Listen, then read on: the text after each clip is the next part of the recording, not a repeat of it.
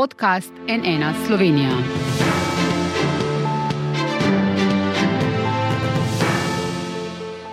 Dobr dan, to je NN studio. Zdi se, da gre svet le še iz krize v krizo. Po COVID-u so oživeli še konflikti. Ukrajina, Kosovo, Gorski Karabah, zdaj še Izrael in Gaza. Bo svet uspel prepričati Izrael, da se ne odpravi na krvavo maščevanje v Gazo in kako, sploh po tako strašnem terorističnem napadu, kot ga je izvedel Hamas.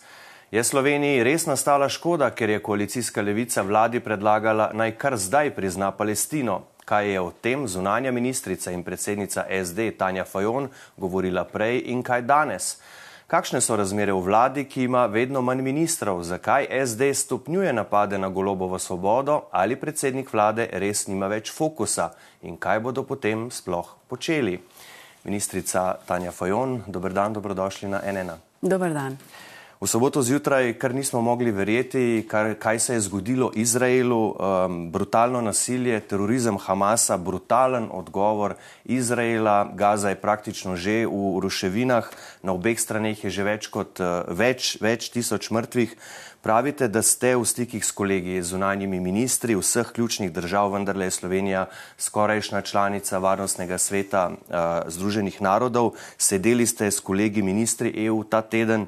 Kaj vam pripovedujejo, ali bo lahko mednarodna skupnost zdaj prepričala Izrael, da bo Gazi omogočil zaščito civilistov, vodo, elektriko, nemoteno delovanje bolnišnic, humanitarni koridor, spoštovanje mednarodnega prava, vojnega prava, to, kar vse čas poudarjate. Zdaj prebivalcem na severu Gaze so dali Izraelci 24 ur časa, da se omaknejo, napad je očitno samo še vprašanje časa. Ja, Slovenija je najostreje obsodila v, so, v soboto um, napad Hamasa, terorizem, um, pobijanje civilistov v Izraelu. Najostreje smo obsodili nasploh um, število žrtev na obeh straneh, ki je naraslo že več kot 2000 ljudi, nedolžnih civilistov, grozljiva um, pobijanja, grozodejstva, kar vidimo tudi na posnetkih, kaj se dogaja z otroci, kaj se dogaja z ugrabitvami. Nemudoma smo pozvali tudi k ustavitvi spopadov, k temu, da se musiti napadi ne razširijo in da ne pridemo do vojne, konflikta v regiji, da zaščitimo nedolžne civiliste, to je mednarodno, to je humanitarno pravo, da gremo res pozivom vsem za izpustitev talcev. Včeraj je celo palestinski zunani minister, z njim se zelo redno pogovarjam, pozval skupaj z jordanskim kolegom, da um, gre za grozljiva um, grozodejstva, pobijanje nedolžnih civilistov na obeh straneh in tudi k izpustitvi talcev. Jaz sem govorila tudi z izraelskim zunanjim ministrom, seveda zdaj in tudi kolegi v regiji mi pravijo, tako strani Egipta, Maroka, Jordanije, ta hip so čustva izjemno napeta. Um, vse skrbi, da bi preraslo v regionalni konflikt, najbolj pa nas skrbi um, znotraj Evropske unije in to smo imeli en zelo um, poglobljen, dolg pogovor v torek. Kaj se dogaja v Gazi? Tam je danes humanitarna katastrofa.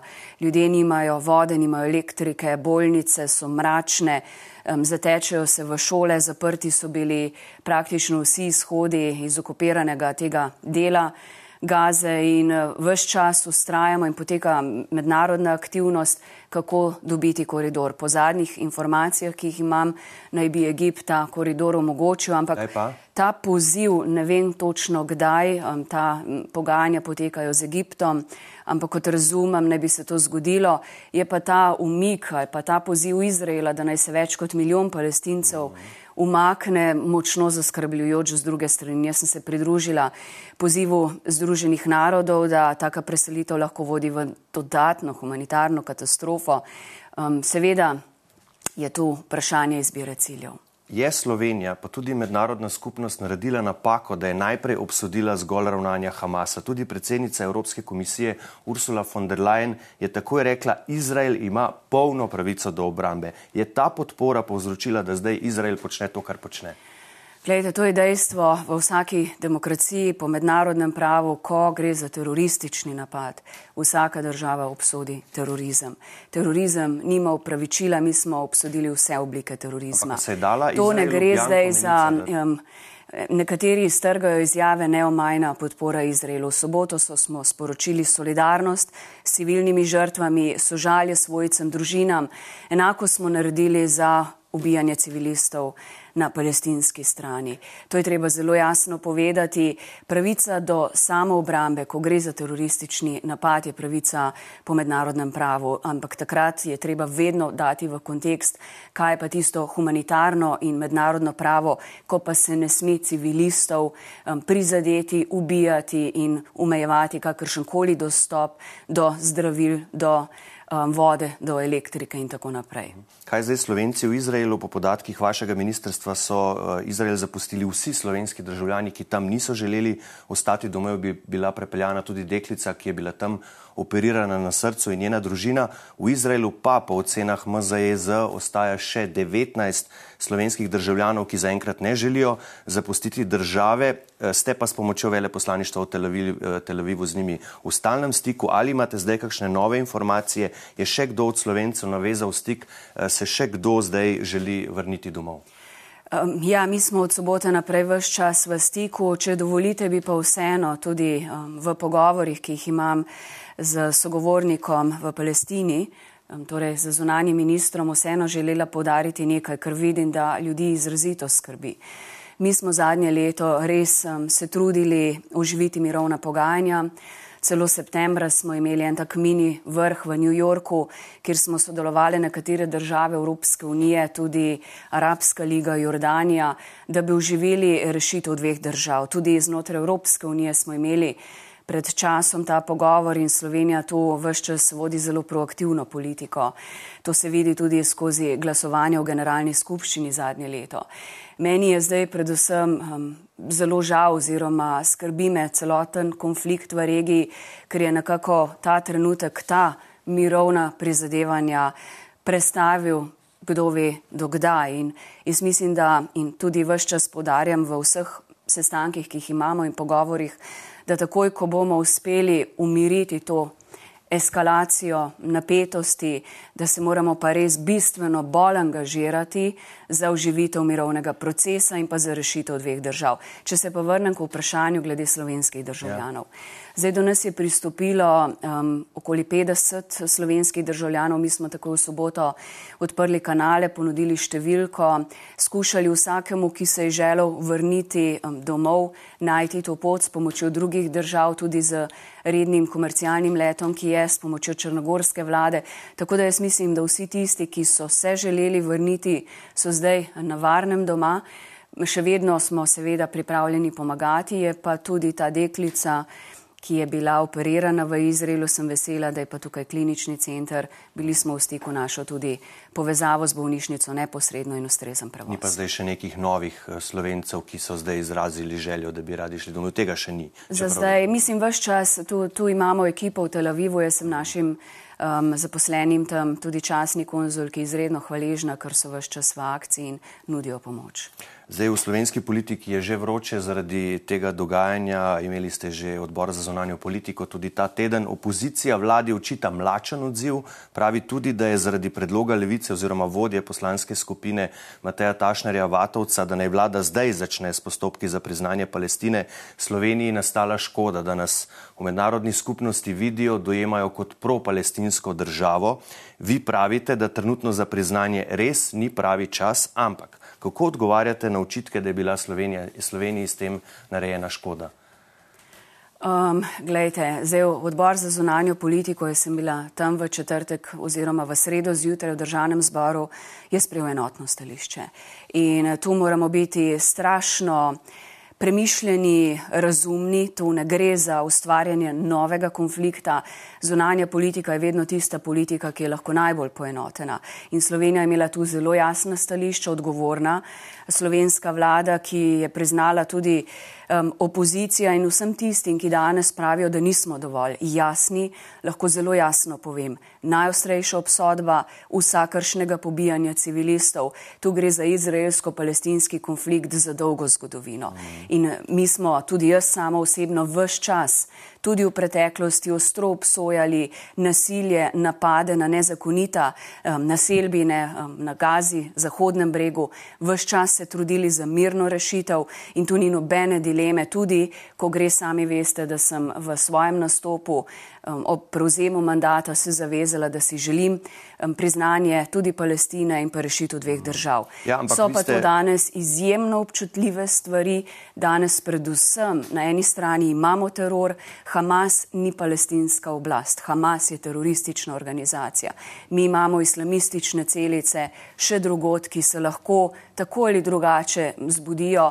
Tudi ta terorizem, ki so ga civilisti doživeli v Izraelu, je treba zelo jasno obsoditi in najti tiste sile na obeh stranih, ki si želijo demokracije, ki si želijo miru in neke miroljubne rešitve in za njimi delati. Vi ste leta 2014 še kot evropska poslanka rekli, citiram, ker brez odločnih ukrepov mednarodne skupnosti miru na Bližnjem vzhodu ne bo mogoče doseči, je mednarodno priznanje neodvisne in samostojne države Palestine tudi za Slovenijo nujno skoraj deset let kasneje so razmere drugačne, da, ampak mir ni bil dosežen, trenutno ga ni, daleč od miru smo.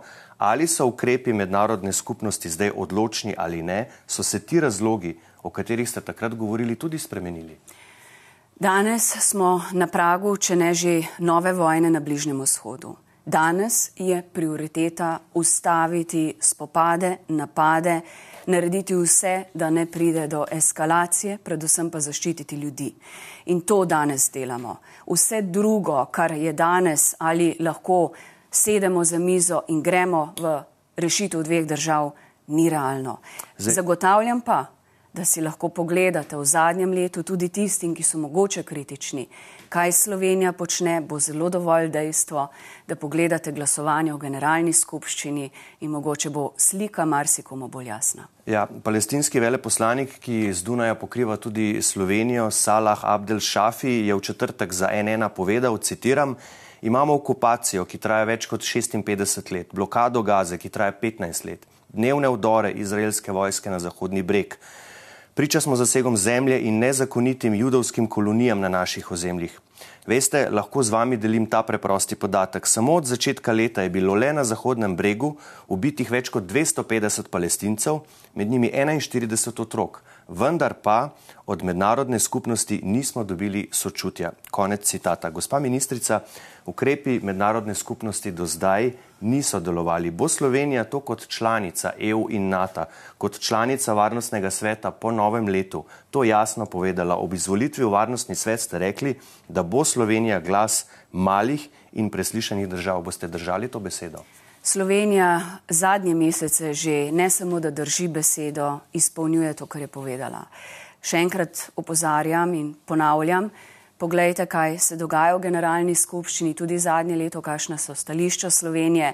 Lahko pa povem, da Slovenija skupaj z peščico držav v Evropski uniji zadnje leto dela intenzivno na rešitvi in mirovni uživitvi pogajanj.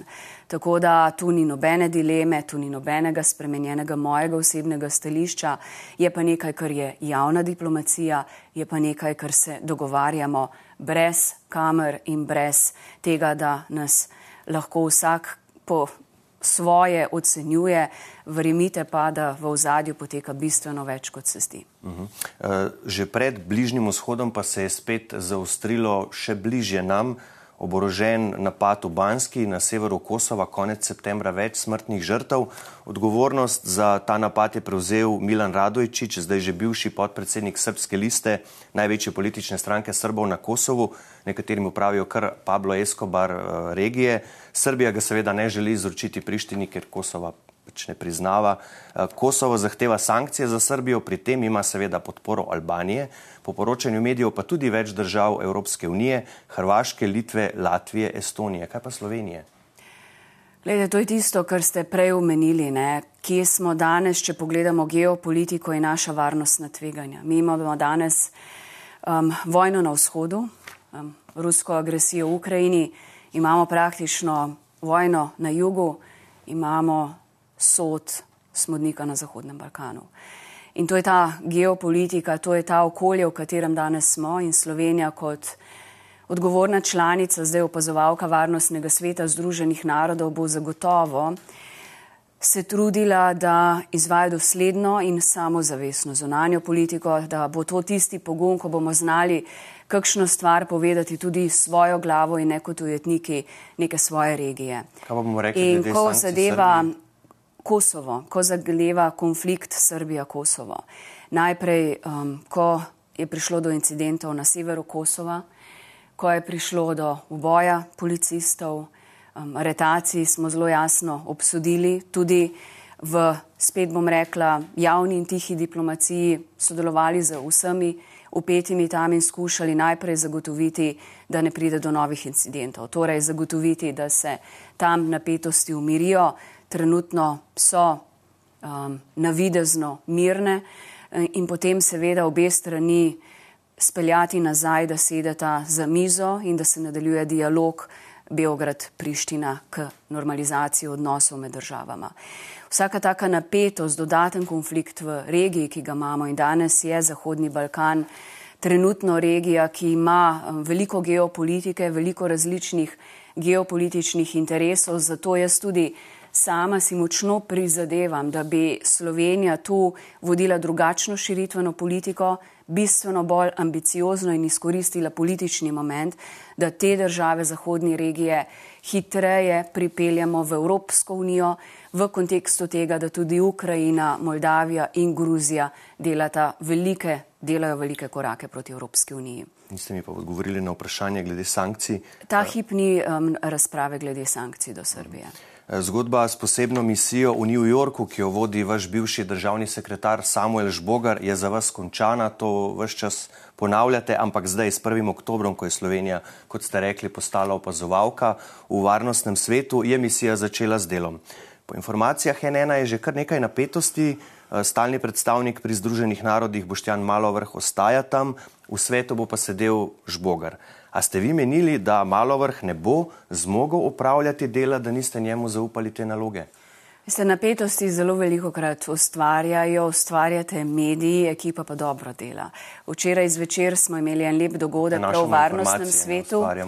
In gledajte, ko, ko vse čas ekipa deluje, dobili smo tudi povsem jasno pravno mnenje, nihče ni kršil ničesar.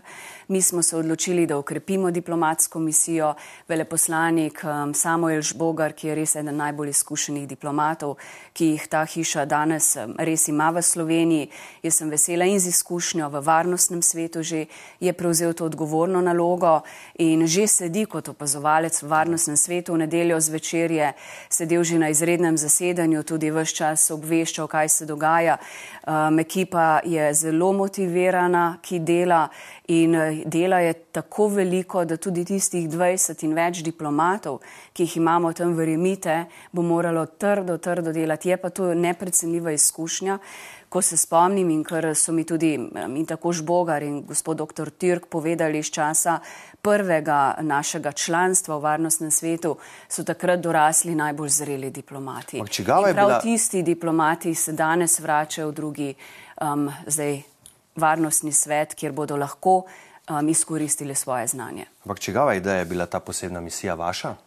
Um, veleposlanik Žbogar je paralelno z mano vse čas vodil, to je bila njegova, če rečem, mogoče tudi do neke mere bolečina z drugega poskusa, ko smo neuspešno kandidirali za varnostni svet in on se je izjemno angažiral v tem času in res pozna zelo dobro ustroj, pozna zelo dobro varnostni svet in je bil takrat mlad, ko smo prvič tam sedeli. Jaz sem prepričana, da bo skupaj in tudi z malo vrhom, ki je zelo korektno in dobro upravil svoje delo eh, z ekipama tudi zdaj in to je bil namen dobro upravljal delo naprej. Uh -huh. Torej je bila v bistvu na nek način morda celo njegova ideja. Z državnim zborom se vlada pri tem ni posvetovala, pa je premijer Golob. Ideja je bila skupna. Skupna, dobro, ampak z državnim zborom se vlada ni posvetovala, pa je premijer Golob na začetku mandata obljubljal drugače. Predsednica republike Nataša Pircmusar je bila kritična do te vladne odločitve, zdela se je nenavadna. Ste bili tudi zato do nje v koalicijskih strankah te dni tako ostri, ko je zamejskim dijakom v Trstu rekla, da je njihova domovina Italija? Jaz predsednico Republike Slovenije zelo veliko sodelujem, veliko se pogovarjava o zonani politiki, sva stalno v stiku in um, ne bom komentirala za nazaj, ker pravim, da si predvsem želim, da naša diplomatska ekipa v New Yorku odgovorno dela. Um, kar pa zadeva, prav danes bo predsednica Republike Slovenije pri meni z ekipo na ministrstvu, da pregledamo vsa področja zunanje politike, ker je izjemno angažirana in tudi njej gre zahvala v projektu za varnostni svet, da je Slovenija dobila tako uspešno podporo. Um, ja, zdrs, kot je bil zdrs pri avstrijskih um, skupnosti, takrat manjšini, zdaj. Me je presenetila izjava, ne bom skrivala. Um, vem, da verjetno nisem govorila neposredno z njo te izjavi, ampak za nas je to, ma, jaz razumem slovensko skupnost, tudi ogorčenje, da je to pač matična domovina je Slovenija. Um, tudi če imajo državljanstvo, tam je za njih matična domovina Slovenija.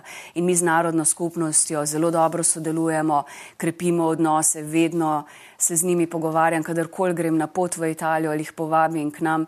In je zelo dobro res biti tu pozoren, kakšna sporočila pošiljamo. Ja, Mislim, da se predsednica tega zaveda in je tudi sama pojasnila. Ja, ker najostreje v bistvu ste se na to odzvali v vseh treh koalicijskih strankah, še najostreje pa v gibanju uh, Svoboda. Zdaj, tudi sami odnosi med koalicijskimi strankami so vse prej kot dobri te dni. Uh, premijer Golop menja več ministrov Svobode, že poletje je odšel ministr za zdravje, zdaj še ministrica za javno upravo, ministr za naravne vire in prostor, ministrica za kmetijstvo bo danes uh, razrešena v državnem zboru. Prav tako danes državni zbor šele po treh mesecih um, odloča o novi ministrici za zdravje. Tudi do tega ste bili socialni demokrati zelo kritični. V svobodi omenjajo tudi, da bodo zagotovo še kakšne menjave v vladi. Vaš podpredsednik, evropski poslanec Matjaš Nemec, je bil za delo zelo kritičen do goloba, da nima fokusa, da menja ministre brez alternativ. Ali tudi vi mislite, da premijer nima fokusa, da ni konsistenten? Glejte, zdaj um, vsaka menjava ministrov ene stranke pač njihovo odločitev. Je pa očitno imel tudi sam tu nekaj svojih zdrsov ali pa um, ne preveč um, dobro izbiro ministrov ali pa so bili resori sami po sebi tudi v težavah ali pa niso delovali, kot bi mogli, pa ministri potem niso uspeli ustrezno voditi. Ampak, gledajte, to so ministri, ki so skvote Gibanja Svoboda naši ministri socialnih demokratov, jaz moram pa tu zelo samozavestno reči, res eh, dobro delajo. Praktično vsi štiri resori, ki jih imamo, gospodarstvo, kohezija, pravosodje in zunanja politika, vsi lahko pokažemo rezultate, skušamo biti tisti stabilen faktor, vlada je pa stabilen organ. In kar pa zdaj zadeva, imamo pa veliko skupne odgovornosti. Prvo leto je bilo precej turbulentno, ne rabim skrivati. Veste, da smo skušali od začetka narediti velike spremembe, tako na področju zdravstva, sociale. Um, um, plač in tako naprej. In te velike spremembe, seveda, se jih ljudje ustrašijo. Ali so tu zdrsi v komunikaciji, ali smo si preveč zastavili. Dejstvo pa je, da ko gledamo vse te javne storitve v Sloveniji, da bodo velike spremembe nujne. In socialni demokrati smo v to vlado vstopili predvsem s tem, da ščitimo tisti javni interes, ko gre ali za javno zdravstvo ali za javno šolstvo, javne storitve, da zaščitimo ljudi in to bomo delali naprej. Ali so to tudi majhna, srednje velika podjetja, um, start-upi, gospodarstvo ali pa so to preprosto gospodinstva, ki pa so šla zdaj, ko smo leto nazaj in več sestavljali vlado, se je vojna komaj začela. Smo imeli energetsko prehrambeno draginjo. Smo pravzaprav išli komaj iz COVID-a in zdaj imeli katastrofalne poplave v zgodovini države. To je, moje... to je en velik zalogaj za, za vlado po prvem letu ja. in tudi tu marsikaj se mi, pa ni prav, da se naučimo, ampak tudi tu smo mogli iskati precej soglasi. Ja, in to je moje naslednje vprašanje. Jesen je zdaj tu in kot vsako leto vroča proračunska razprava, letos seveda še bolj zahtevna zaradi več milijardne škode teh poplav, ki ste jih omenili. Vsa ministrstva ste se, ste se morala čemu odreči, ampak že na samem začetku proračunske razprave ste koalicijske stranke na različnih bregovih. Zamrznitev socialnih transferjev v letu 2024. Levica, ki vodi prav ta resor, je potem predlagala sklep na odboru, da naj vlada odpravi to zamrznitev. Vaši SD-jevi poslanci so to podprli, pa še celotna opozicija zraven. Kako to, da ste se odločili vi in Levica, da se boste takole na odprti sceni postavili po robu vladajoči svobodi, ki je sicer glasovala proti in sklep potem 7 proti 7 ni bil sprejet? Ta hip gre za predlog vseh proračunskih dokumentov, ki je z vlade prišel v parlament. Seveda smo vsi v stiski zaradi proračuna, ki je vrčevalni proračun na račun poplav in na račun obnove in sanacije. Prišla bo tudi rebalans, prišel bo rebalans proračuna, ampak tudi jaz upam, da bomo v tem obdobju se zelo zavedam, da si ne želimo prizadeti tistih, ki so socialno že najšipkejši. Ne smejo postati žrtev, tudi ne na račun poplav, ker tudi skozi poplave smo dobili en del prebivalstva, ki je danes bistveno bolj šipkejši in prizadet. Tako da, kar se bo dalo izboljšati, če se bo dalo izboljšati um, znotraj danih okvirov, ki jih imamo, ker denarja je kot je, seveda pa to ni, da kažeš na odgovornost enega ali drugega ministra, ki ima mogoče težji ali lažji resor, je neka skupna odgovornost. Vsi smo bili pod težkim pritiskom, vsi smo morali najti sredstva, kako jih zmanjševati, šlo je za neko skupno odgovornost, seveda pa, ko gledam stališča socialnih demokratov. Mi smo imeli ta teden eno dolgo predsedstvo, kjer smo govorili tudi o proračunu, kako pristopiti zdaj, ko je razprava v parlamentu, lahko povem stališča naše stranke, bi si želeli spremembe, ko gre za vprašanje plač v javnem sektorju ali pa tudi financiranje občin. A boste vložili amandmaje svoje? Lejte, zdaj gre še za pogajanja, ki še potekajo tudi s sindikati, uh -huh. tako da dokler se tu ne končajo pogajanja, bom pustila vse opcije odprte, delamo pa v smeri, da bi kakšno stvar lahko izboljšali. Ja, torej obstaja možnost, da boste vložili amandmaje v zvezi s tem. Eh, zakaj pa ste tudi vlada ali pač poslanske skupine, vsi lahko. Jaz mislim in pričakujem, uh -huh. da bo veliko dopolnil.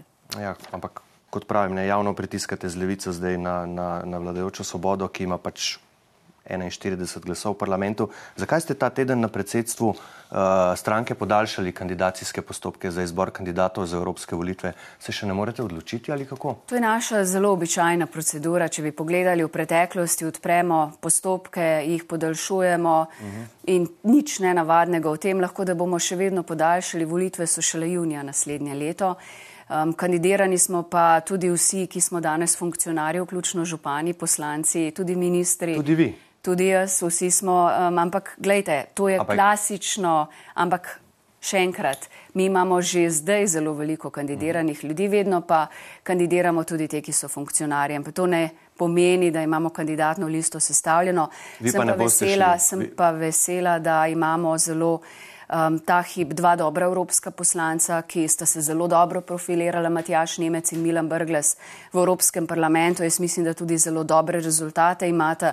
Tako da sem vesela, ker vidim, da sta zelo aktivna in angažirana tudi v Sloveniji, ker moramo predvsem, in tu pa imam jaz izkušnjo, socialni demokrati smo na evropskih volitvah vedno dosegli zelo dober rezultat, da res ljudem skušamo približati kaj želimo kot Slovenija v Evropski uniji, kako izboljšati volivno udeležbo, kako ljudi upeti v ta proces in jaz sem tu precej samozavestna, da bomo lahko dosegli dober rezultat. Ni pa nobene možnosti, da bi bili na tej listi vi ali ta možnost? Um, Glejte, jaz sem danes zunanja ministrica, predsednica stranke, podpredsednica vlade, mislim, da imam ta hip toliko veliko odgovornosti, da o tem ne razmišljam. Dobro. Uh, za konec uh, še zadeva brskanje po računih. Ta teden smo razkrili, da je NPO zopr nekdanjega šefa Urada za preprečevanje pranja denarja Damjana Žuglja in njegove najtesnejše sodelavce uložil kazensko ovadbo. Ovadba je bila sicer vložena za en primer, Dragana Šolaka, solasnika skupine United, katere del je tudi NN Slovenija. Seveda, daleč najbolj obsežen primer je to, na podlagi kratke anonimke so brskali po skoraj 200 računih, smo pa mediji poročali še o drugih primerih. Škof se je eh, šef, eh, nekdani šef športne loterije Štajner, zdaj smo objavili, da tudi žena takratnega opozicijskega predsednika državnega zbora Igorja Zorčiča. Kako komentirate zdaj vse te primere? Pri največjem so zdaj tudi kriminalisti presodili, da je bilo to brskanje nezakonito, da je šlo za zlorabo položaja. Pogovarjava se sicer pred novinarsko konferenco policije na to temo toliko, da to poveva. Um, hvala za to dodatno pojasnilo, ampak mediji imate predvsem vlogo, da razkrivate takšne nepravilnosti. Tudi sama sem bila novinarka in prav je tako, če razkrijete nepravilnosti, ampak nepravilnosti so seveda ugotovljene takrat, ko jih tudi ustrezni organi spoznajo. Tako da v tem primeri ali pa ostalih, dokler niso pač ustrezni organi presodili, kaj se dogaja, tudi jaz ne morem komentirati, takrat pa lahko odločitve samo spoštujem. No, ampak NPO je očitno presodil. Ne, da... Če je NPO presodil, potem je seveda to um, samo en korak, ki je bil zelo koristen za vse. Mm. Ključna odgovornost politike pri tem pa je, ali bo spremenila zakon o preprečevanju pranja denarja in financiranju terorizma informacijska pooblaščenka Mojca Prelesnik, je na zakon zahtevala ustavno presojo že dlje časa, opozarja, citiram, ker se vsaka pravica in vsako pooblastilo v praksi lahko zlorabi, je nujno, da zakonska ureditev te možnosti čim bolj da se zakonska ureditev te možnosti čim bolj omeji. Obenem pa je ključno, da so na vodstvene položaje organov imenovani ljudje z visoko osebno integriteto. Od zakonodajalca pričakuje zakonske določitve pooblastil in omejitev državnih organov. Bo koalicija to storila, se lahko zavežete k temu, da boste sprejeli varovalke, ki bodo možnost takšnih zlorab vsaj omejevale, če ne preprečevale. Jaz absolutno se strinjam z gospod Mojco in sem vedno za to, da izboljšamo pravila delovanja, predvsem pa omejimo korupcijo. Tudi korupcijo, ki je, kot jo sami razkrivate, in predvsem, da se mi, ki smo na odgovornih funkcijah, zavežemo k temu, da ravnamo z res pravo odgovornostjo. Tako da ta hip um, te razprave ni zdaj na mizi. Mi smo včeraj začeli z razpravo z zakonom o obnovi to je ta hip prioriteta, se pa, ko bo razprava o tem, absolutno lahko zavezujem, da bom prispevala k temu, da se pravila izboljšajo. Dobro, bomo seveda spremljali, kaj se bo dogajalo tudi s tem zakonom in seveda objavljali, če bodo še v kakšnih drugih primerih, ki jih objavljamo, kakšne kazanske ovadbe, kakšen bo epilog. Eh, za danes pa spoštovana gospa ministrica, podpredsednica vlade Tanja Fajon, najlepša hvala, da ste bili gostja NN Slovenija. Hvala za povabilo. Hvala pa tudi vam za vašo pozornost. Kot rečeno, vse, o čemer smo se danes pogovarjali z ministrico, bomo še naprej spremljali, zato bodite z nami na nnainfo.si iz studija, pa le še lepo zdrav in nasvidenje.